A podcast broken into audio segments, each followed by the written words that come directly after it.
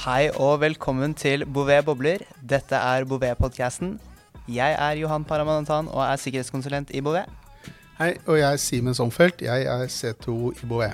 Og i dag skal vi snakke om hvordan man kan bli cloud native uten å bli en tåkefyrste. I dagens episode skal vi ta for oss hvorfor cloud native er viktig. Hva er egentlig cloud native, og hvilke fordeler og ulemper er det ved cloud native? Og den som skal hjelpe oss med å forstå det, det er Nils Henrik Sandå Hagen. Han er en erfaren eh, arkitekt eh, som mange har pekt på når vi spurte om jeg kunne hjelpe oss. God morgen, Nils Henrik. Hei, hei. Takk for at jeg fikk komme. Ja, Da er det bare å begynne å grille, da, Johan. Nils Henrik, jeg har noen spørsmål angående cloud native. Jeg er ny i bransjen, og jeg lurer på hvor historisk sett startet alt dette, og hva er egentlig cloud native? Ja, det startet jo i uh, public cloud-verdenen. Det er jo et uh, Kanskje du kan kalle det et uh, litt sånn hype-begrep um, som har utviklet seg over, over de siste årene. Betydningen har skiftet litt. I starten snakket man mye om konteinere, gjerne på Kubernetes. Nå har vi modnet litt mer. Det har uh, skjedd en del i bransjen. Det handler kanskje mer om å bygge løsninger som utnytter skyen på en mer optimal måte, både med tanke på ytelse og kostnader og fleksibilitet. Man sier ofte at cloud native-løsninger skal være elastiske. Hva betyr egentlig ordet elastisk i denne sammenhengen? Vi kan se på det i forhold til eh, typiske compute-ressurser, som er de, eh, den klassiske CPU-regnekraftressursen. Uh, og dette handler da i stor, stor grad om horisontal skalering. Uh, muligheten til å legge til ressurser når lasten øker, og fjerne de igjen når, uh, når det er mindre last. Mm. Og litt sånn generelt om Cloud Native. Hvilke valg får man hvis man utvikler i Cloud Native, sammenlignet med gammeldagse metodikker, f.eks. Det er mange av de samme valgene, men uh, istedenfor at du forholder deg til én uh, server, kanskje to, uh, og fysisk hardware, så forholder du deg til en, en større plattform som er driftet på en helt annen måte. Du har et bredt tjenestespekter fra leverandører som Microsoft, Google, Amazon. Men når du går litt i dybden, så begynner disse her å ligne mye på ressurser fra et operativsystem. Du har tilgang på lagring, minne, CPU, nettverk, eh, osv. Så, eh, så målet blir å utnytte dette best mulig eh, på en helhetlig måte. Simen, du har jo også grublet noe på angående Cloud Native. Jeg lurer på Hvorfor er det så viktig i dag for utviklere å, å lære seg til dette her? Det gjør det mulig for oss å ha et uh, fokus på å løse de utfordringene som faktisk gir verdi til kunden. Uh, det gir jo egentlig ingen verdi om uh, det kjører her eller der, om det kjører lokalt eller om det kjører i skyen. Det som er viktig, er at uh, tjenestene er tilgjengelige, uh, oppe og virker som det skal. Uh, og gjort riktig i skyen og ved å følge Cloud Native, så er dette vesentlig lettere og kanskje litt billigere. Men når du tar avgjørelser som arkitekt, påvirker det miljø og kostnader til prosjektet på en annen måte enn hvis du er on-prem? Ja, ganske stort, egentlig. Um, on-prem så um, er jo et typisk scenario at du enten eh, leier et VM eller leier en fysisk boks, og den betaler du for at det er tilgjengelig. Eh, du ber om at den skal ha så mange CPU-er, så mye minne osv., og, så videre, og så får du en fast pris i måneden. I skyen så har vi muligheten eh, til å velge disse elastiske løsningene hvor vi betaler for, for det som vi bruker til enhver tid. Og dermed så kan vi oppnå, hvis vi legger opp dette riktig, en en kost som er rimeligere i forhold til den fleksibiliteten vi også får. Uh, vi overlater også ansvaret til skyleverandøren om å utnytte disse maskinvareressursene best. Det er der vi får den besparelsen tilbake, da. Hvis vi tar det litt tilbake igjen. Hvor startet egentlig skyreisen din? Det, det var et oppdrag for en kunde for en del år tilbake. Vi ble bedt om å spå i krystallkulen for de ville ha et, uh, en webløsning som gjorde at de alltid lå foran konkurrentene sine. Det er jo ikke så lett. Um, egentlig ikke mulig. Men vi så litt etter uh, en plattform som kunne hjelpe dem med å lett lansere nye tjenester i relasjon til, uh, til denne, denne, nettsiden de skulle ha. Da. Og da landet vi på å kjøre Kubernetes i Google Cloud, som da var liksom det mest cloud native vi kunne finne på den tiden, um, for å bygge litt større applikasjoner. Så du begynte egentlig rett på, da, med bakgrunn som en hva skal jeg si, tradisjonell arkitekt, og så begynte det å åpne seg nye veier? Ja. Så vi, uh, vi kastet oss over dette her. Dette var jo ny, hot teknologi. Um, og masse hype. Det var jo the silver bullet. Um, det funker ganske bra. Um, men det var jo mange skjær i sjøen og mye nytt vi måtte lære oss. Som gjorde at uh, det var jo en krevende oppgave. Uh, men i dag er jo dette vært uh, for mange andre kunder også vært liksom det første stedet de starter reisen for Cloud Native. Så så gærent valg kan det ikke ha vært. Men uh, tilbake til uh, Hvis vi skal gi noen råd da, til uh, en som har lyst til å gå den veien, og kanskje kan spares for en del bommerter. Hvilke råd har du til en som skal starte på veien? Ta med deg den kompetansen du har på tradisjonell lagdeling av software og abstraksjon av uh, f.eks. lagring, database, de trenger du fortsatt i skyen. Um, samtidig som at du skal ikke være redd for å knytte deg til, uh, til, de tjenestene som du bruker, for ellers så får du ikke utnyttet de fullt ut. Men hvis jeg kan hoppe inn litt her.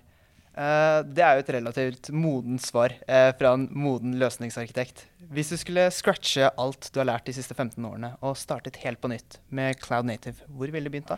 Ja, Godt spørsmål. Um, tror jeg ville um, funnet et, eh, et relativt sett enkelt case. Uh, og begynt litt forsiktig med, um, med en sånn mellomstor type Cloud Native-tjeneste, typisk omtalt som Application as a Service. Um, det lar deg fortsatt bygge, uh, bygge applikasjonen på ganske tradisjonelt vis, hvor uh, du, du skriver én applikasjon, vi, snakker, vi, kan ta en webapplikasjon her for, eh, for, å gjøre det enkelt. Og den kan ha sine endepunkter akkurat som man er vant til. Men du får ikke lov til å lagre noe state i minnet. Det er du nødt til å holde i, i databasen din. Og hente opp hver gang, eller holde i klienten på, på, brukersiden og sende inn hver gang. Ja, Det bringer meg over til hvilke nye problemstillinger du får. For det var et eksempel på det. da eller nye hensyn du må ta. Uh, en annen ting du har nevnt for meg, er dette med leverandørnøytralitet. Kan du si litt om det? Ja. Det, her kommer jo inn liksom, denne hellige kuen, kanskje, som man har har jagd etter i mange år, er jo at det er viktig å ha en brekkstang mot leverandøren.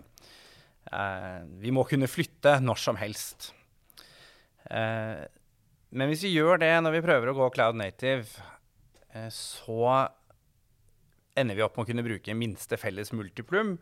Og vi blir ikke cloud native i det hele tatt. Vi har egentlig bare fått oss et dyrt datasenter, for alt vi kan gjøre, er å kjøre på VM-er. Mm, så det betyr at du må på et eller annet vis lage deg noe teknisk gjeld, da, altså, som må være kalkulert for å kunne ta gevinsten? Ja, litt, eh, eller kanskje ikke teknisk gjeld, men eh, vi kan se på det som at du trenger en slags exit-strategi. Uh, slik at den, de tjenestene du bruker i, uh, i, skyen, som er proprietære, de kan du enkapsulere uh, ved hjelp av dine egne lag i applikasjonen og sørge for at du snakker med lagringslaget i applikasjonen din. Det snakker med den sky-native databasen som er helt proprietær. På den måten så vet du hva du må endre hvis du skal flytte. Ja. Og så er jo kostnadsbildet et helt annet. Jeg regner med at uh, man må sette seg litt inn i det? Ja. Uh, det, det, er en annen måte å tenke på. Uh, fastpris går jo ut av vinduet. Du begynner å betale for data overført, last på CPU, data lagret, for å ta noen eksempler. men dette gir også noen fordeler. typisk Bouvet-kunder er jo eh, jobber i én tidssone. Eh, mange jobber ikke hele døgnet heller. Eh, og det betyr at når du da betaler for det du bruker når du bruker det, samtidig som at skyleverandøren garanterer for tilgjengelighet, så eh, slipper vi å betale så mye på natta. Og der kan vi hente inn veldig mye av den eh, gevinsten. Og nå er det jo litt over på sånn driftsaspekter. Eh, for utviklerne de har jo ikke lenger noen driftsavdeling å hive løsningene over gjerdet til. Men det er også en del andre ansvar de må ta. Ja, det kommer jo i varierende grad. Men det viktigste ansvaret er jo punktsikkerhet, kanskje. Eh, det ansvaret har vi alltid hatt. Men det har vært lett å gjemme seg bak ITs walled garden. nå må vi ta det ansvaret på alvor og sikre kommunikasjonen mellom de forskjellige komponentene i løsningen. Enten det er enten gjør det enkelt med en application as a service-plattform som AppEngine i Google Cloud, eller AppService, tror jeg det heter i Asher, som bare hvor du trenger egentlig å forholde deg til applikasjonskoden din og databasen, men du må fortsatt sikre eh, kommunikasjonen mellom disse. Eh, pass på hva du eksponerer på internett, osv. Har du noen tanker rundt fordeler og ulemper med Cloud Native? F.eks. DevOps. Det er jo noe man kan gjøre nå. Ja, det blir jo eh, for mindre organisasjoner vesentlig lettere å realisere. Eh, store organisasjoner har jo hatt denne muligheten for å bygge sine egne private skyer i praksis. Uh, men nå kan de fleste gjør det hvis de er villige til å gå den veien og ta konsekvensen av det. For det krever et annet tankesett eh, i tillegg. Et litt vanskelig spørsmål her. Dev-biten i DevOps går ofte greit, som jeg har observert i min lille tid i markedet. Men Ops-biten er ofte litt krevende. Hva er dine tanker rundt det? Ja, Det kommer ofte av at man ikke har eh, planlagt noen god modell for hvordan dette skal gjøres. Um, det er en sånn tanke som en del uh, snakker om, at you build it, you run it. Men det krever at du har OBS-kompetanse. Uh, som et konsulenthus så er jo ikke det vår primære, primære virksomhet. Uh, I hvert fall ikke enn så lenge. Men her finnes det større aktører som har har på en måte løst hvordan forretningsteamene og de som er profesjonelle på drift, kan jobbe sammen eh, på en smidigere måte. Eksempelvis ved at forretningsteamet kjører løsningen eh, i seks måneder til den oppnår et kvalitetskrav som er satt av den profesjonelle driftsavdelingen. Eh, hvor dermed en handover kan gå mer smidig. Altså hvor samtidig, hvis kvaliteten faller under gitte parametere, Eh, så leveres eh, ansvaret for eh, daglig drift tilbake til forretningstimer, slik at man må ta konsekvenser av sin tekniske gjeld. Så dette er en måte å styre disse tingene på. Det er jo en generell utvikling nå at uh, siden uh, man knytter IT tettere og tettere på for, forretningen, at uh, egentlig så får løsningsteamet et større ansvar når det gjelder ikke bare sikkerhet, men også personvern og etikk. Eh, for eh, når du tar vekk eh, mange av de tekniske personene hos kunden, så er det jo vi i teamet som sitter med ansvaret.